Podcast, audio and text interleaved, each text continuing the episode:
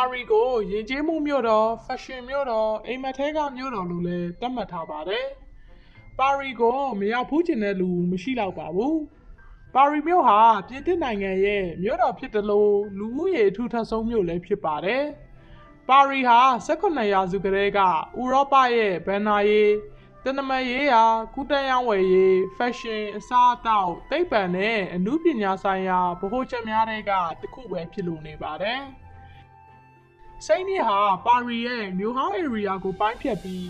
ဘယ်ကမ်းနဲ့ညာကမ်းဆိုပြီးနှစ်ပိုင်းခွဲခြားထားပါတယ်။2018ခုနှစ်မှာတော့ပါရီမှာလူဦးရေ1.16တန်းရှိပါတယ်။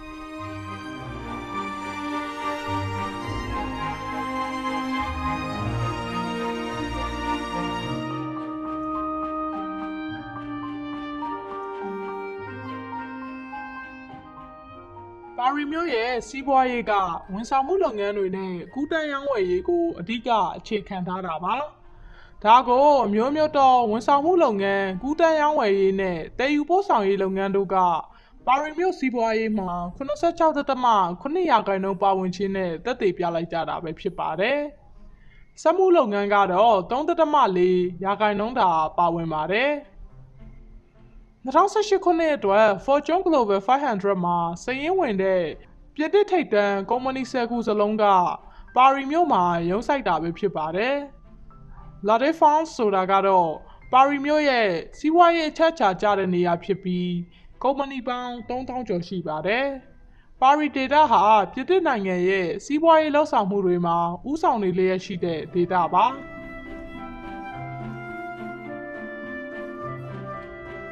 ပါရီကပြည်သစ်နိုင်ငံရဲ့နိုင်ငံရေးနဲ့ယဉ်ကျေးမှုမြို့တော်ဒါမက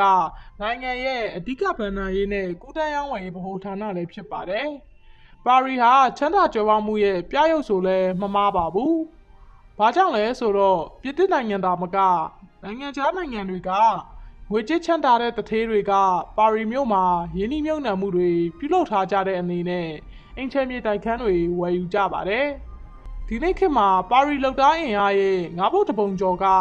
စီးပွားရေးဝန်ဆောင်မှုတွေအစိုးရနဲ့ပုဂ္ဂလိကကဏ္ဍစီမံခန့်ခွဲရေးတွေနဲ့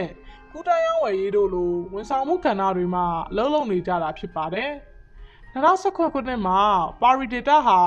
GDP ယူရို909ဘီလီယံ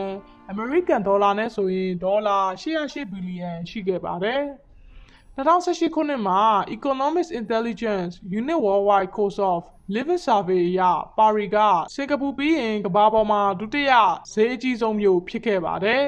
။ပါရီနောက်မှာတော့ဇူးရစ်၊ဟောင်ကောင်၊အိုဆိုလိုနဲ့ဂျနီဗာမြို့တို့ရှိပါတယ်။ပါရီမြို့ရဲ့မြောက်ပိုင်းနဲ့အရှေ့ကျွန်းတို့ထက်မြို့ရဲ့အနောက်ပိုင်းနဲ့အရှေ့ဘက်ဆင်ခြေဖုံးဒေသတွေက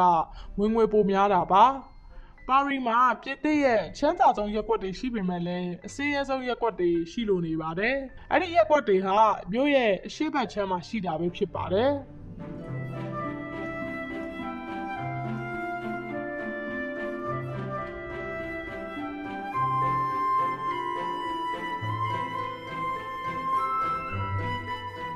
2020ခုနှစ်မှာပါရီမြို့ကိုလာရောက်လည်ပတ်တဲ့ခရီးတွားအရေအတွက်ဟာ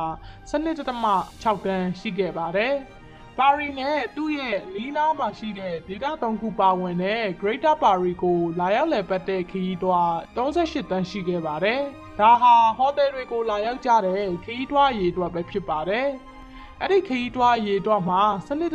တန်းကပြည်သစ်နိုင်ငံကပဲဖြစ်ပါတယ်။ နိုင်ငံခြားသားဧည့်သည်တွေအနေနဲ့ကအမေရိကန်က2.6တန်း၊ United Kingdom က1.2တန်း၊ဂျာမနီက6သိန်းကျော်နဲ့တရုတ်က9သိန်းကျော်တို့ရှိပါတယ်။ဒါပေမဲ့လည်း COVID-19 ကပ်ရောဂါကြောင့်ပါရီဒေတာကို လာရောက်လည်ပတ်တဲ့ခရီးတွားဧည့်သည်18.5တန်းကျဆင်းခဲ့ပါတယ်။ ဟိုတယ်တဲခေါ်မှုအတိုင်းအတာအရအဲ့ဒီလိုနိုင်ငံခြားသားခရီးတွားကျဆင်းမှုက88ရာခိုင်နှုန်းအထိရှိခဲ့ပြီးပြည်တစ်ဧည့်သည်ကတော့56ရာခိုင်နှုန်းကျဆင်းခဲ့တာပါအဲ့ဒီလိုကျဆင်းမှုကဟိုတယ်ကဏ္ဍကိုယူရို15ဘီလီယံကျဆင်းစေခဲ့ပါတယ်2018ခုနှစ် Euromonitor Global City Destination Index အရပါရီရဲ့လေယာဉ်ကွင်းဟာခရီးသည်19.10တန်းနဲ့ကမ္ဘာပေါ်မှာဒုတိယအလုပ်အများဆုံးလေယာဉ်ကွင်းပဲဖြစ်ပါတယ်။ 2019ခုနှစ်မှာပါရီမြို့ရဲ့ထိပ်တန်းယဉ်ကျေးမှုဆိုင်ရာဆွဲဆောင်မှုတွေကတော့ The Basilica of Sacred Cough, The Louvre ပြတိုက် The Eiffel Tower, The Pompidou Center နဲ့ The Musée d'Orsay တို့ပဲဖြစ်ပါတယ်။ပါရီမှာလူတိုင်းနီးပါးထင်ကြီးလောက်တဲ့ပြည်သူ့ကပညာတွေနဲ့ဒီဇိုင်းတွေကို ပြသထားတဲ့ရင်တက်ရှုမောဖွယ်ရာရှုခင်းများစွာရှိတာလူတိုင်းအသိပဲဖြစ်ပါတယ်။ ဒါကြောင့်မလို့လဲပါရီကအဲ့ဒီအလှတွေနဲ့ကဘာကျော်လာခဲ့တာဖြစ်ပါတယ်။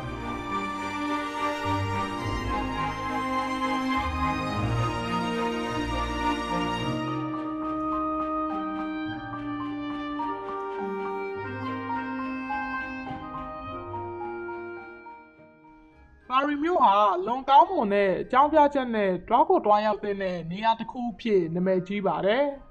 တမိုင်းကိုစိတ်ဝင်စားတဲ့လူတွေအတွက်ကတော့တမိုင်းဝင်အဆောက်အုံများနဲ့အထိမ်းအမှတ်အဆောက်အုံများစွာကြောင့်ပါရီကိုနှစ်သက်သဘောကျကြသလိုဖက်ရှင်သမားများကလည်းခေတ်အမီဆုံးဆိုင်ကန်းတွေနဲ့ရေပန်းစားတဲ့ဖက်ရှင်တွေကြောင့်ပါရီကိုနှစ်သက်ကြတာပါ။အနှစ်ချုပ်ပြောရရင်တော့ပါရီမြို့ဟာတနည်းမဟုတ်တနည်းနဲ့လူတိုင်းကိုဆွဲဆောင်လူနေပါတယ်။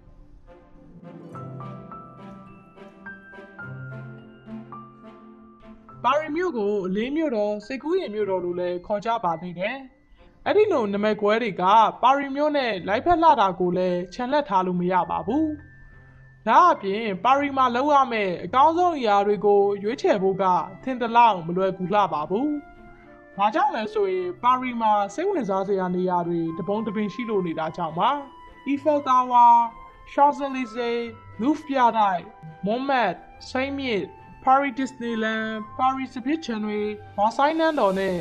Notre Dame ဖျားကျောင်းတို့ကပါရီကိုတွားဘူးတဲ့လူတိုင်းမရောက်မဖြစ်တွားကြတဲ့နေရာတွေပဲဖြစ်ပါတယ်။ဒါပေမဲ့လည်းစိတ်မကောင်းစွာနဲ့ Notre Dame ဖျားကျောင်းကြီးက2019ခုနှစ်ဧပြီလ19ရက်နေ့မှာမီးလောင်ပျက်စီးခဲ့ပါတယ်။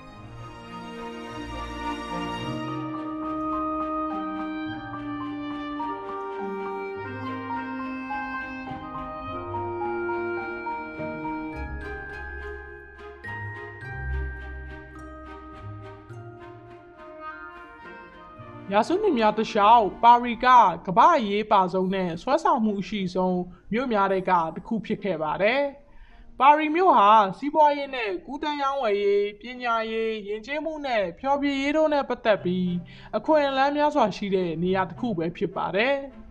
ပါရီကအစားအသောက်မကြီးအမှုပညာစာပေယဉ်ကျေးမှုနဲ့အသိပညာကျွယ်ဝတဲ့လူအတိုင်းဝိုင်းစတဲ့မနာလိုစရာကောင်းလောက်အောင်ကိုဂုံတရင်ကြော်စောလို့နေပါတယ်။